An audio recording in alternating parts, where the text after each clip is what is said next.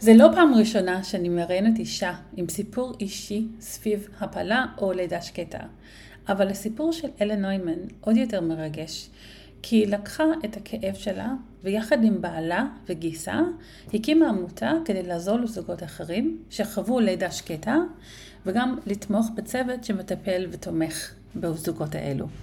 יש הרבה אופטימיות בסיפור שלה, וזה מתאים לזוג שעברו לידה שקטה בעצמם, וגם קרובי משפחה וחברים שרוצים לדעת איך אפשר לתמוך אחרי לידה שקטה.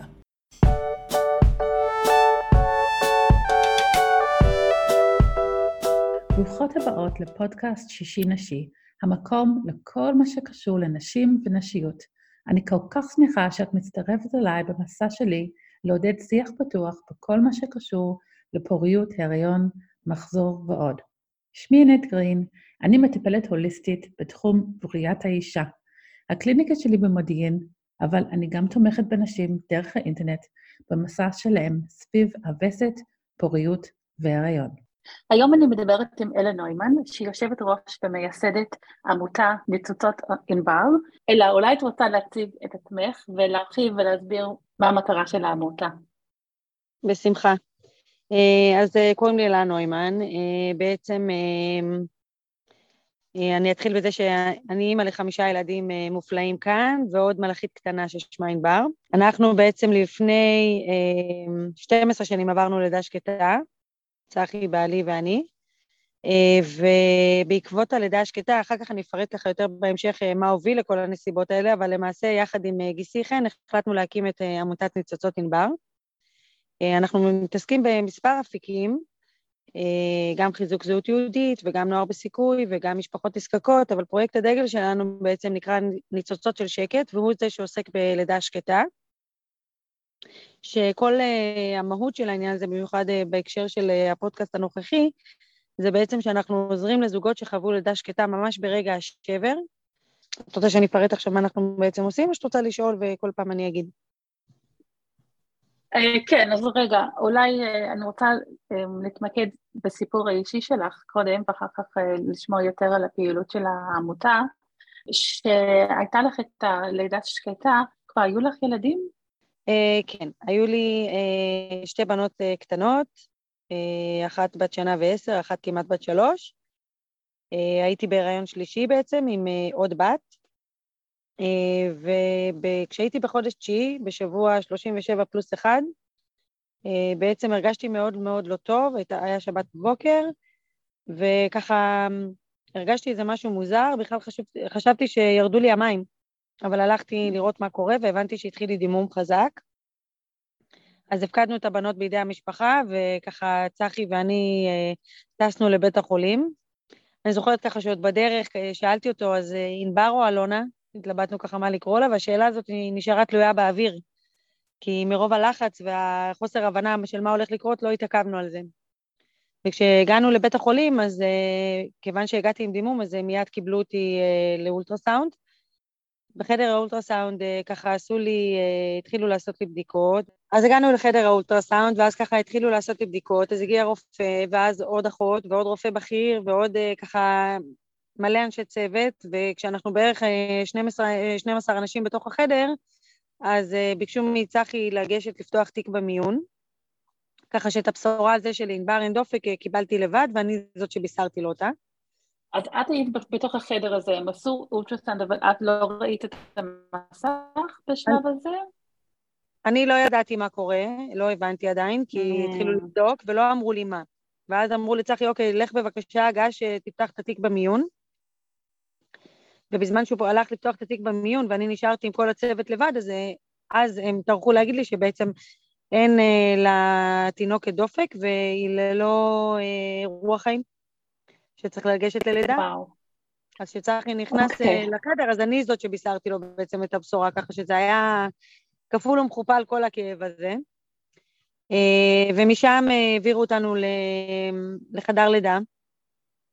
אה, מה שקשה נורא בתוך הסיטואציה הזאת, שכל הסט והסטינג הוא בעצם אותו דבר. את נכנסת לחדר לידה, אני כבר מכירה מה זה חדר לידה, כבר ילדתי פעמיים קודם. את אה, מגיעה לתוך חדר ויש שם משקל ויש שם הכל חוץ ממוניטור, כי אין בעצם למה לבדוק אם אה, יש דופק לעובר ומה קורה איתו. ויש מיילדת, והנה ותדחפי, ועוד כמה לחיצות, והנה הראש, וכאילו, מזעזע עד כמה הכל הוא כמעט אותו דבר, אבל זה רק כמעט. כי בעצם בחדר שכל כולו מלא חיים ומלא שמחה ואמור להביא ילדים לעולם, אה, נתקלים בדבר ההפוך אה, בצורה הכי קיצונית שיש, שזה המוות בעצם. וכשקוראים לזה לידה כן. שקטה, זה לא סתם. יש שם בתוך החדר הזה שקט מחריש אוזניים, אני תמיד אומרת. זה פשוט שקט שרק מחכים שהדבר הזה יסתיים, ומאוד מאוד קשה להיות בתוך הסיטואציה הזאת. אז הלידה התחילה בעצמה? כאילו, היו לך צעירים, אה, או הם היו צריכים לזרז, את הלידה? לא, אה, אני בעצם אה, נכנסתי לחדר לידה, וכן קיבלתי פיטוצין, כן קיבלתי ככה קצת זירוזים מלאכותיים, אבל לשמחתי הרבה, אני תמיד אומרת שגם בחוסר מזל צריך מזל. ולשמחתי הרבה, תוך שלוש שעות ילדתי בעצם שעתיים הייתי בחדר לידה, ובשעה האחרונה הגדילו לי את כל המינונים, ותוך שעה ילדתי. אמ, כי מסתבר שכשיש גוף זר בתוך הגוף, וזה ככה הסבירו לי אז במונחים הרפואיים, והגוף כבר בשל ללידה, כי הייתי כבר בתשיעי, אז זה קצת יותר כן. קל מאשר אה, לידות שקטות שמגיעות בשלבים יותר מוקדמים. Mm, אוקיי. Okay. ואז כשסיימנו את הלידה, אז אה, ככה שאלו אותי אם אני רוצה להחזיק את התינוקת, ואמרתי שכן. וצחי ואני היינו איתה, והחזקנו אותה, וצילמנו אותה, ובדיעבד זאת הייתה החלטה מדהימה ומשנת חיים, כי אני לא יודעת איך הייתי יכולה לחיות עם עצמי אם לא הייתי רואה גם את התינוקת שגדלה בתוכי אה, בתקופ... לתקופה כזאת ארוכה. וכשהיינו צריכים למסור אותה, אז המסירה הייתה הר... עוד הרבה יותר קיצונית, כי בעצם זה לא להיפגש איתה אחר כך בתינוקייה, אלא למסור אותה לעד. אה, ואחרי שיצאנו מהחדר לידה, המצב הבריאותי שלי ממש הידרדר. אה, מסתבר שהדימום הגדול הגיע בעצם מזה שהייתה לי היפרדות שלייה מלאה. אה, מה שהוביל לזה כנראה הייתה רעלת הריון סמויה, אבל כי עשיתי בדיקות ולא ראו כלום, שהייתה מאוד מאוד חמורה. וקרשיות יתר, שגם לא ידעתי שהיא קיימת, כנראה הייתי נשאית שלה, אבל לא ידעתי שזה קיים. וכל הנסיבות האלה ביחד, פשוט יצרו את זה שעברתי קריסת מערכות, קיבלתי מנות דם, הגעתי לטיפול נמרץ. בטיפול נמרץ כבר אמרו לצחי בוא תיפרד, אה, אחרי שנפרדת מהבת שלך גם יש סיכוי שאשתך לא עוברת את הלילה. לשמחתי הרבה עברתי, והנה אני פה כדי לספר. אה, אבל מכל הסיבוכים האלה ומכל הדברים האלה יצא שבעצם היינו, הייתי מאושפזת בעצם שבוע בבית החולים, ואני קוראת לזה מעין אה, ישיבה פרטית אה, בתוך כותלי בית החולים, כי אין מנהגי אבלות בלידה שקטה. אה, כל אחד יכול לעשות כרצונו, אז את יכולה לבחור, בעצם יש מונח כזה שנקרא אבלות מרצון. אז אנחנו היינו רחוקים שנות אור מלהבין את כל הדברים האלה, אבל בכל זאת זה יצא ככה שהאינטואיציה והנשמה בפנים ידעה שכנראה זאת השיבה שלנו, וככה אנחנו צריכים להיות עטופים בתוך בית החולים. אה, היו לי on and off הרבה עליות וירידות במצב הבריאותי אה, בבית החולים, גם אה, היה לי פתאום איזה גודש שגם ממש הפתיע אותי, כי מבחינתי, את יודעת, ילדתי, סיימתי את הלידה, ולא ציפיתי לזה שהגוף ממשיך, זה היה מדהים, כי אמרתי, הגוף ממשיך לייצר באופן טבעי את מה שהוא עוד לא קולט שבכלל קרה, המוח עוד לא הספיק לשדר את הדבר הזה. וזאת הייתה mm-hmm. נקודה אחת שממש ככה נקודת שבר כזאת גדולה. ואחר כך, פנו אלינו גם אה, ממש סמוך לזמן הזה, לשאול האם אנחנו מעוניינים לקבור את ענבר בקבר אחים או בקבר משלה. ולאור כל המצב הפיזי הרעוע שהיה, וגם המצב הרגשי, שמן הסתם היה מאוד מאוד עדין, אה, החלטנו שאנחנו מוותרים על הקבורה הפרטית, ושבית החולים יקבור אותה בקבר אחים. ובדיעבד אה, זאת הייתה החלטה אה, גם אה, מכוננת, כי כשיצאתי מבית החולים ככה עם שק גדול של אשמה של איך לא נתתי לה בית משלה, אז קיבלתי החלטה וביחד עם האחים נוימן המקסימים, שזה בעצם חן גיסי וצחי בעלי, החלטנו שנעשה משהו אחר, כלומר, מין בית פרטי משלה שינציח את ענבר ממקום של טוב ושל חסד ושל חיים, ולאו דווקא מהמקום של הקבר והמוות וה... וה... והכאב הגדול הזה. וככה בעצם נולדה העמותה. Mm, אוקיי. Mm, okay. וכמה זמן אחרי האירוע הזה? הקמתם את העמותה? אמ, העמותה הוקמה בשנת 2018, אה, וזה בעצם אה, לקח אה, כמעט, זה לקח שבע ומשהו שנים. והייתי אחר כך, אחרי הלידה של ענבר עוד ילדתי עוד שלושה ילדים, זה נקרא ילדי קשת. זכיתי להיות בהיריון שוב, ללדת אותם, ודווקא בהיריון של הבת האחרונה חביבה שלי, שמה זה קרה. שם הגיעה נקודת מפנה והחלטנו שמקימים את העמותה. אה, ואני זוכרת שעוד בשנה, שנתיים הראשונות עוד התעסקנו בשאר האפיקים שאנחנו עובדים איתם, ורק אחרי אה, בערך שנה וחצי מקום העמותה, החלטנו שאנחנו מתעסקים בלידות שקטות. אה, תמיד אני אומרת שלידה שקטה היא בסוף טראומה שלא תמיד מכירים בה ולא תמיד מתייחסים אליה, וכנראה שגם לי לקח לא מעט זמן לאבד את הדבר הזה בעין, ולהבין את זה, כי אה, לא מההתחלה רצתי לטפל בזוגות שחוו לידה שקטה, כלומר זה לקח לי גם קצת זמן בתוך ה... גם בתוך הדבר הזה. זה אה, נשמע לי מאוד הגיוני, כשהפצע עוד אה, מדמם, אנחנו פחות רוצים להתעסק עם זה, וכן, אנחנו צריכים את נכון. הזמן, כמו שאת אומרת, לאבד את החוויה. אז רגע, אני רוצה גם לשמוע איזה תמיכה קיבלת בבית חולים. גם בזמן הלידה השקטה עצמה, וגם אחר כך. אני חייבת להודות שבזמן הלידה השקטה שלי, שזה היה לפני 12 שנים, המודעות לא הייתה כזאת גדולה. אה, לא הייתה מספיק הבנה שיש פה באמת אבל וכאב ואובדן. אה, תמיד יש את המשפטים האלה, טוב, ועוד לא הכרת אותו, טוב, ועוד לא גידלת אותה, כל מיני כאלה משפטים שלא מסייעים לשום דבר, ולהפך, לפעמים מחזירים אחורה. ואני, כשאני עברתי את הלידה השקטה, המודעות הנמוכה הזאת לא הובילה להמון המון הבנה. כלומר, הצוות כן היה רגיש ומכיל, רצינו לעשות את הכל בצורה המיטבית והמהירה, לעבור את הלידה, כן בדקו אותי, כן, אה, כן התייחסו, אבל לא יצאתי עם כלים משמעותיים הביתה, אה, לא מספיק הבנה איך לתווך את זה לילדים, לבנות שהיו פה וחיכו.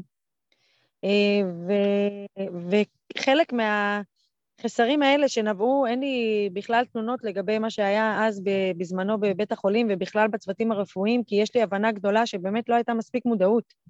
גם אני כל הזמן לומדת עוד ועוד על הנושא הזה, למרות שחוויתי את זה, למרות שאני מתעסקת בזה. כל יום השטח מלמד אותי משהו חדש, כל זוג מלמד אותי משהו חדש. אז אה, דווקא מתוך החסרים האלה החלטנו שאנחנו רוצים לעשות אה, משהו אחר.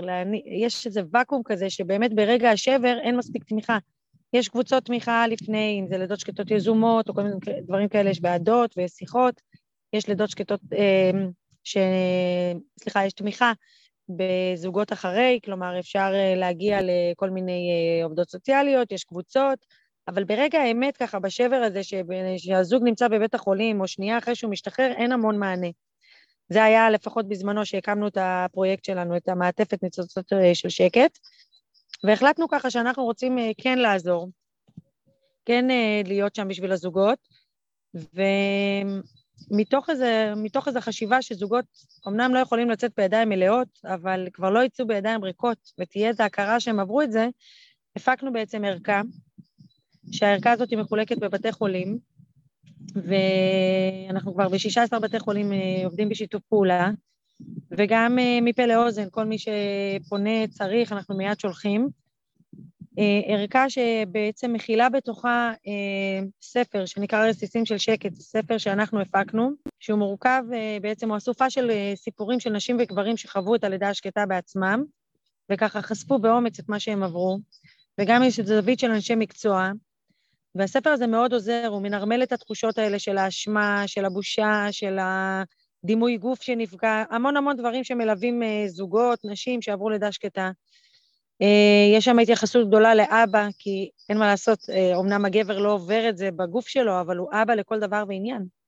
וגם הוא מחכה, וגם הוא מצפה. הוא גם איבד, הוא גם איבד ילד, כן. לגמרי, נכון. לגמרי. ו... ומעבר לזה, מה שמאוד טוב בספר הזה, שהוא פשוט עוזר לצוותים הרפואיים ככה לחוות ככה כמעט ממקור ראשון את חוויית המטופלת שנמצאת שם ומאושפזת וחווה את הדבר הזה, וה, והבן זוג שלצידה שעובר את כל הכאב הזה בעצמו, האבא. אה, יש שם גם מחברת ועט מהמקום התרפויטי שכתיבה מאוד עוזרת ככה לשחרר, הדף סופג הכל, אה, ויש שם שובר לארוחת בוקר זוגית. אה, ראינו שהמון זוגות מתגרשים אחרי לידה שקטה, ורצינו ליצור ככה מעין זמן זוגי כזה, לאבד את החוויה, וגם מהמקום של קצת לתת חיים אחרי המוות, כל הכאב הגדול הזה שנמצא שם. ואת הספר של, יגל, של סיגל לבסקי, אה, בכיתי כי חיכיתי, שבעצם אה, הוא עוזר לתווך את כל המקרה הזה שנקרא לידה שקטה לילדים, כי לא רק, לא רק הזוג נפגע מהציפייה הזאת, יש מעגלים גדולים, סבתא שרוב מחכה להיות סבתא, והאחים שמחכים להיות אחים גדולים, בעבודה צריך להסביר, יש כל כך הרבה מעגלים רחבים וקרובים שנפגעים או מרגישים את האובדן הזה, שצריך ללמוד לתווך את זה גם הלאה. והאפיק השני בעצם של הערכה הזאת, הוא הממשיך הישיר שלו, זה שאנחנו אה, מעניקים ליווי רגשי אה, לזוגות. במידה והם בוחרים לפנות, אז אנחנו אה, מאפשרים להם לקבל שיחה עד שתיים עם מטפלים ש... שהם מלווים רגשיים שבעצמם חוו לידה שקטה. כולם עושים את זה בהתנדבות מלאה. הם זמינים 24-7, ואני כל הזמן אומרת שעבודת הקודש שהם עושים זה באמת, הם מצילי נפשות. הם עוזרים להחזיק את הדבר הזה ממש ברגע האמת, ולפעמים זה מה שצריך, אוזן קשבת, איזה חיבוק בשקט, שרק יכיל את כל הכאב הזה. והאפיק השלישי שאנחנו פועלים בו זה לתת uh, סדנאות uh, לאנשי הצוות, סדנאות אוורור, ונטילציה. כי אי אפשר להתעלם מזה שכשהם נכנסים ללידות uh, מהסוג הזה, הם גם בעבודה שלהם uh, דמיינו וחלמו לבוא ללידות שמחות ולצאת עם תינוק ולעזור אה, להביא חיים לעולם. והם אה, בעצם סובלים ממה שנקרא טראומה משנית, והם הולכים עם זה הביתה, והם חווים הרבה קשיים אחר כך, וזה מלווה אותם. ולנו היה חשוב אה, ככה לתת להם את האוורור הזה, את המרחב המוגן הזה, שבו הם יכולים לפרוק את שעל ליבם, להתרוקן, להתמלא מחדש ולהגיע הלאה ללידות הבאות, בין אם הם שמחות ובין אם פחות, קצת יותר מחוזקים. וזה מאוד עוזר, זה מאוד מוכיח את עצמו. בעצם מישהו מהצוות שלכם, מהעמותה, מגיע לבית חולים כדי להנחות אה, סדנה כן, לצוות? יש לנו אנשים שהם אה, בעצם אה, מעבירים סדנאות באופן מקצועי, של תנועה, של פסיכודרמה, של כתיבה, של אומנות, מגוון גדול של סדנאות, ודרך כל הסדנאות האלה הצוות זוכה לפורקן מסוג אחרת. אה, אמרה לי מישהי לפני כמה זמן אה, שהייתה בסדנת תנועה, שהיה בה קצת יוגה וקצת מדיטציה וקצת לנוח. זאת אומרת, אף פעם לא מצאתי את עצמי במצב של מנוחה בתוך בית החולים בשעה שאני נמצאת בו ובעבודה. תמיד זה לרוץ mm. ולהיטרטר, ו... וככה שזה באמת, אה, הם זקוקים לזה, מאוד. מאוד, מאוד. אני, אני שמחה שאתם יכולים להעניק את זה, אבל זה קצת עצוב שזה לא בא בתוך המערכת עצמה. שהם יכולים לדאוג אה, לצוות. לא בכל בתי החולים, יש עוד משהו שאת רוצה להוסיף? שכן יכולים אה, לאפשר את זה, ומאוד דואגים להחזיק את הצוות, אבל אנחנו ככה נותנים עוד איזה בוסט נוסף, משהו שבאמת אה, יאפשר להם להתרוקן עוד קצת, כי, כי בעולם הטיפול ובעולמות אחרים יש פעם בשבוע אפילו שיחת ונטילציה וכאלה, ואין מה לעשות, העומס בבתי החולים הוא גדול, והמקרים הם מרובים, ואני ממש יכולה להבין מאיפה זה מגיע, החוסר אה, יכולת לאפשר כל כך הרבה ונטילציה. אז אנחנו עושים את החלק הצנוע שלנו בתוך זה. מדהים. אוקיי, ורציתי גם לשמוע, אמ, מה, מה היית אומרת למישהי, אם יש לה חברה שבדיוק עברה, או קרובת משפחה שבדיוק עברה לידה שקטה, מה הדברים לא להגיד, ומה הדברים, או איך היא כן יכולה לעזור לה? כשאנחנו עושים אה, סדנא, אה, כל מיני הרצאות לצוותים הרפואיים, אה, יש כל מיני קופות חולים וכאלה שהם בממשק ישיר, אבל מסוג אחר עם הזוגות, אז הם גם, הם תמיד שואלים אותי בצוות את השאלה הזאת, ואני עונה, התשובה הראשונה שלי היא קודם כל להיות בענווה. כלומר, לא להניח הנחות, לפעמים עדיף להיות בשקט, לפעמים עדיף לדבר. צריך לשאול את הזוג באותו רגע, או את החברה, או את האבא, מה הוא בכלל צריך ומה הוא רוצה בכלל באותו הרגע. יש כאלה שיגידו, אני רוצה רק חיבוק, וזהו. יש כאלה שיגידו שהם אה, רוצים לשמוע סיפור ממישהי שחוותה. כל אחד הוא עולם בפני עצמו, וכל אחד מקבל את הכאב בדרך אחרת. אז קודם כל להיות בענווה סביב הדבר הזה ולא להניח הנחות. הדבר השני שהייתי אומרת זה שבאמת אף אחד לא אשם פה.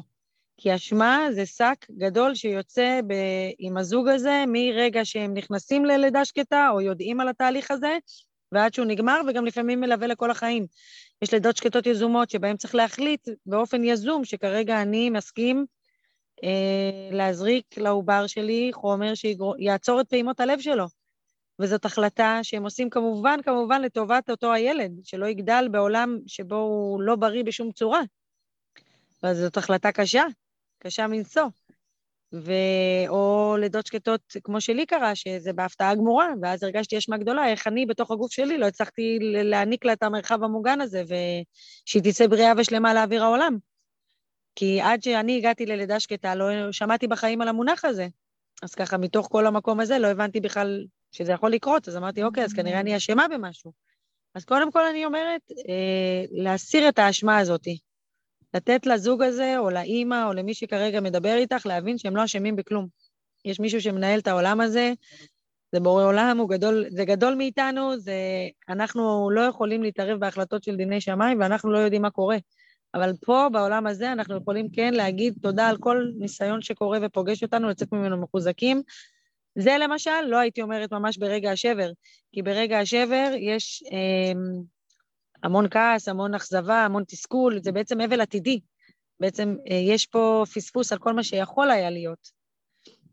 אז, אה, אבל כן הייתי מסירה את האשמה, כן הייתי מאפשרת להם להבין שאני כאן בשבילהם לכל דבר, כי יש המון בדידות סביב הנושא הזה, אה, יש נטייה להתכנס, להיות בבושה, אז כמה ילדים יש לי? אז אני סופר את זה שעכשיו ילדתי? אני לא סופר אותו, אני אומר את זה, אני לא אומר את זה.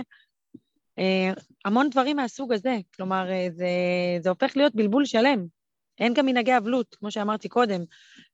אז הייתי מאפשרת ככה להגיד שיש אפשרות לעשות אבלות מרצון למי שרוצה, למי שמרגיש שצורך, למי שלא, לא. אה, שיש אפשרות לעשות כל מיני טקסים, אה, יש כאלה שמדליקים נר נשמה לכל השנה, יש כאלה שהולכים וחוגגים יום הולדת פעם בשנה, יש כאלה שעושים כל אחד ומה שהוא בוחר, אבל הייתי ככה פותחת את כל האפשרויות ושכל זוג יבחר לו איך נכון לא להתנהל בתוך הדבר הזה. ומה עזר לך עם הרגשות אשמה שלך אחרי לידה שקטה? אה, מה עזר לי להתגבר? כן. כי אני אגיד לך למה אני שואלת גם. כי אני מרגישה שזה מאוד בקלות אנחנו יכולים להגיד למישהו, אה, את לא אשמה במה שקרה. אבל זה מאוד שונה למישהו ש... שאם הוא יכול להפנים את זה, לשמוע את זה ובאמת להפנים את זה. ובטח זה תהליך, אני לא חושבת שזה משהו, אפילו שהוא כן יקרה, שהוא יקרה ברגע הזה, כאילו ברגע אחד. אה, אז פשוט מעניין אותי לשמוע על החוויה האישית שלך.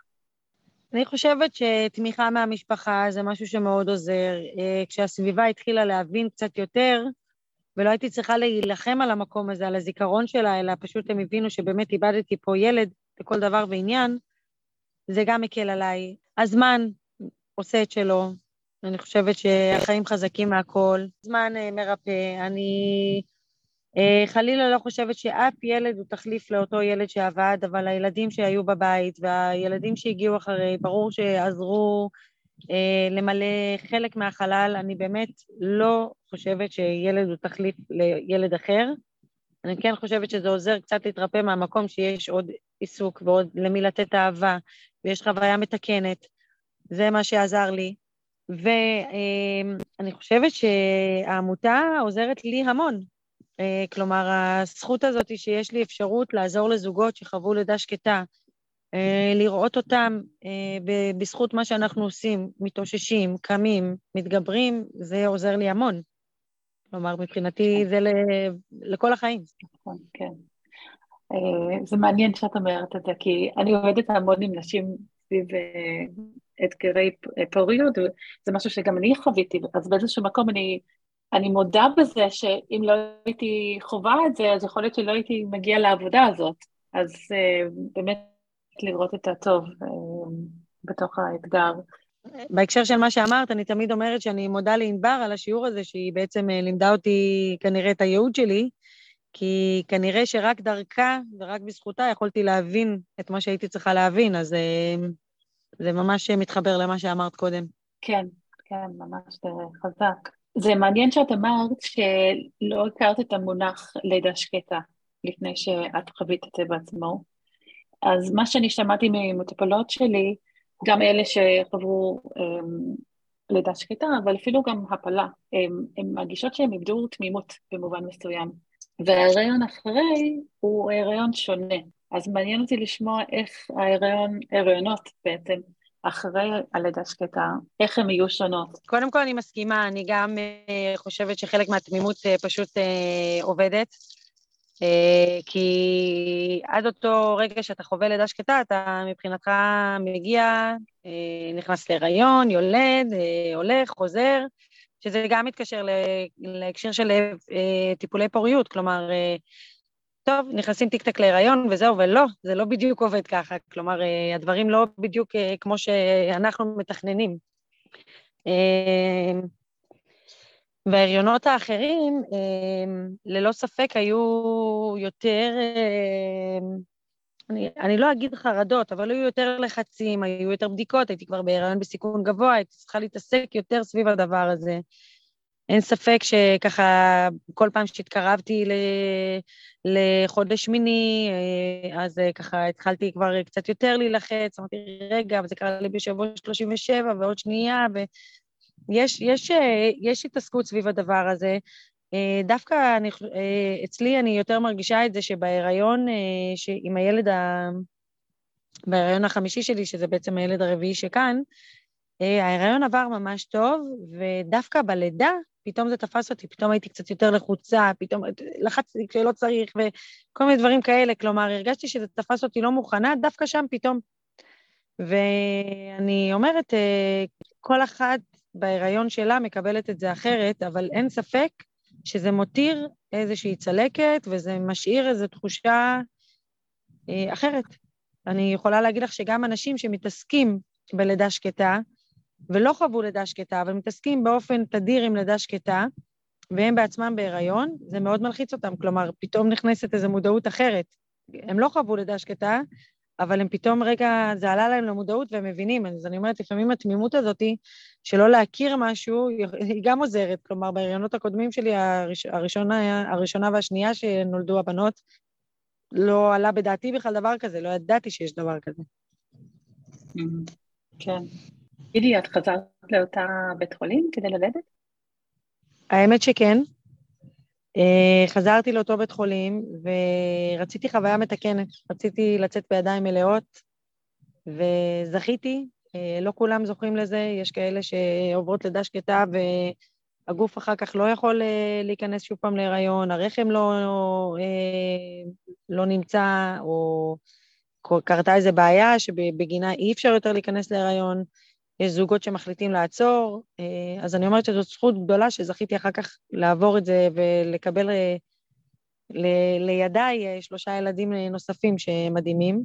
וגם זה אני אומרת, זאת גם חלק מהברכה, כי אני כל הזמן אומרת, לולא ענבר, הילדים שלי לא היו יוצאים ככה. שלושת האחרים היו כנראה מגיעים בתצורה אחרת, או אולי לא היו קיימים, או אני לא יודעת. כן, נכון. אמ, אוקיי, אז אני, אני ממש שמחה לשמוע שהייתה לך אה, חוויה מתקנת, כי אני גם יכולה להבין אה, זוג שבוח, שבוחר אה, לא לחזור לאותה, לאותו בית חולים. לגמרי. אני מבינה כל החלטה של כל זוג, כי אי אפשר להיכנס בעצם למה שקורה בפנים, וכל מה שזוג בוחר לעשות באותו הרגע, כנראה שזה מה שהוא יכול להכיל ולהתמודד עם זה. אז כרגע הערכה של העמותה שלך אמ, נמצאת ב-16 בית החולים, אמרת? כן, ואנחנו עכשיו רוצים להתרחב גם לאובדני הריון, אה, אנחנו מתרחבים לשם. אמ, מאוד חשוב לי גם שתהיה איזו הבנה, נכון שאני עברתי לידה שקטה, ונכון שזה דבר מאוד מאוד אה, כואב וקשה, אה, אבל יש המון סממנים שהם דומים. אני לא חלילה משווה בין כאבים ולא משווה בין הסיטואציות, אבל כן בכל זאת שייך להגיד שגם באובדני הריון בעצם הייתה ציפייה, once זוג נכנס להיריון, הוא רוצה להיות אבא ואימא. אה, נכון. לפני כמה זמן יצא לי להיות באיזו הרצאה ואמרתי, אה, לאבד ילד בהיריון שהוא בין תשעה שבועות או תשעה חודשים, זה תלוי נורא בזוג, איך הוא לוקח את הדברים, יכול להיות שבעוצמת הכאב זה יהיה בדיוק אותו דבר. ואני גם אוכל להבין, כי יש בסוף משהו בכל הדבר הזה שהוא אובדן של משהו עתידי, ציפיות, רצון לגדל את הילד הזה. נכון, ויש יש לא מעט נשים שאפילו אפילו שיש הפלה בשבועות מוקדמות, הן כבר, ברגע שאישה יודעת שהיא בהריון, היא בודקת ביומן באיזה עונה או באיזה חודש היא אמורה ללדת, אם, מתחיל, אם יש לה ילדים בבית, אז היא מתחילה להשוות איזה פער יהיה בין ה... הילד האחרון נכון. אה, לתינוק החדש. היא מתחילה לחלום, ו... וזה לא משנה שאחרי כמה שבועות או תקופה ממש אה, קצרה, ההיריון מסתיים. עדיין, כמו שאת אומרת, הציפיות שם, אז וצריך uh, לעבוד על זה. אני גם יכולה לשתף מהעבודה שלי, כי אני עובדת המון עם נשים אחרי הפלות, um, והעבודה על הרחם היא מאוד מאוד uh, חזקה, עוצמתית, סליחה, זו יותר, המילה יותר נכונה, והרחם זוכרת. אז uh, אני ראיתי שכשאני מתחילה לטפל באישה אחרי לידה שקטה או אחרי הפלה, uh, צריך להכיר במה שהרחם עברה. אפילו אם ההיריון היה לתקופה קצרה, או האישה לא חזרה הביתה עם ידיים מלאות, צריך להכיר, להכיר בזה. ויש הרבה מה לעשות גם uh, בעיסוי בבטן ברחם, גם לשחרר ולעזור לאישה גם רגשית להתגבר על כל מה שהיא עברה. כן, זה באמת נכון, ממש נכון. כל כך מעניין. לא, אני אומרת, ההכרה, זה סופר חשוב, לא, לא משנה באיזה אובדן, אנשים כן רוצים שיכירו בזה שהיה פה משהו, להכיר באובדן הזה. אחת המיילדות ש... ככה הייתה איתנו בקשר, היא הגדירה את זה הכי יפה, אמרה, אני כן רואה את זה, אני רואה שהיה פה ילד, יש לו את העיניים שלך, את הפה שלך, אני רואה שהיה פה ילד. כן, ההיכרות היא מאוד מאוד חשובה, וגם מאוד התחברתי למה שאמרת, שכל זוג הוא בוחר איך אה, אה, להתמודד עם זה, בין אם זה כן להחזיק את התינוק אה, מיד אחרי, לצלם, אה, עוד כל מיני דברים. גם אני רואה את זה אחר כך, ש... ההיכרות לכל אישה זה משהו מאוד מאוד אישית, שהיא צריכה לעבור את זה ולדעת מה הכי טוב עבורה, ואני חושבת שהתפקיד שלנו אה, זה לאפשר את השיח הזה. אז בגלל זה מאוד שמחתי שראיתי את, אה, את המידע על העמותה שלך, כי אני חושבת שיש הרבה אה, אה, בדידות לאישה שעוברת חוויה כזאת. היא, היא מרגישה שהיא לבד, ואם היא לא יודעת על האנשים האחרים שעברו את זה, אז היא נשארת בבדידות. היא, היא נשארת לבד בעצם, שזה ממש חבל, כן. אני מאוד מסכימה עם מה שאת אומרת, אני רק מחזקת את זה, שזה גם האישה וגם הגבר. כלומר, בעמותה שלנו ההסתכלות היא מאוד מאוד הוליסטית, מהסיבה הפשוטה שבאמת יש פה אבא ואימא. כל מה שאמרת, אני מסכימה, הבדידות, הלבד, הבושה, יכול להיות שהדימוי גוף זה חלק שנפגע בי יותר בקיצוניות אצל האישה שעברה לידה, וכרגע הגוף שלה בעצם, מבחינתה, יומ... הייתה מישהי שאמרה, אני סתם עם בטן, אני אפילו לא מחזיקה עגלה. כלומר, יש גם דברים כאלה, אבל כל הבדידות, כל הנושא הזה, ההחזקה הזאת שצריך להחזיק את הכאב הזה, ההתמודדות סביב זה, זה באמת אבא ואימא. זה באמת, אנחנו מסתכלים על זה שנכון, יש דברים שהם ייחודיים רק לנשים, אבל המקרה הספציפי הזה הוא ממש הוא לזוג. את צודקת, אני שמחה שאת מתקנת אותי. אני פשוט יותר מטפלת בנשים. לא, זה בסדר, זה, אה, כן. חלק מלהעלות את המודעות סביב הנושא הזה, כי באמת, שלאט לאט הכל עולה, כלומר, פעם לא ידעו מה זה לידה שקטה, עכשיו יודעים מה זה לידה שקטה, אז מייחסים את זה לאישה, וביום מן הימים, וגם היום כבר יש יותר, יבינו שיש הכרה בשני המינים, וזה בסדר גמור, זה לאט לאט, זה תהליך שקורה, והוא נכון והוא חשוב. לנו יש בעמותה שניים מתוך המטפלים שלנו, המלווים הרגשיים, הם אה, שלושה, סליחה, הם אבות והם אה, גברים, והם מטפלים אה, באבות וגברים נוספים שחוו לידה שקטה, נותנים להם את הסיוע הזה, כי כן, זה נכון, אישה וגבר לא חווים אבל, אובדן, או בכלל כל דבר בחיים, התפיסה שלנו היא שונה משל גברים. ולכן יש לנו גם וגם. כן, זה חשוב. אה, אוקיי, ואיך אתם אה, מגייסים כסף לעמותה?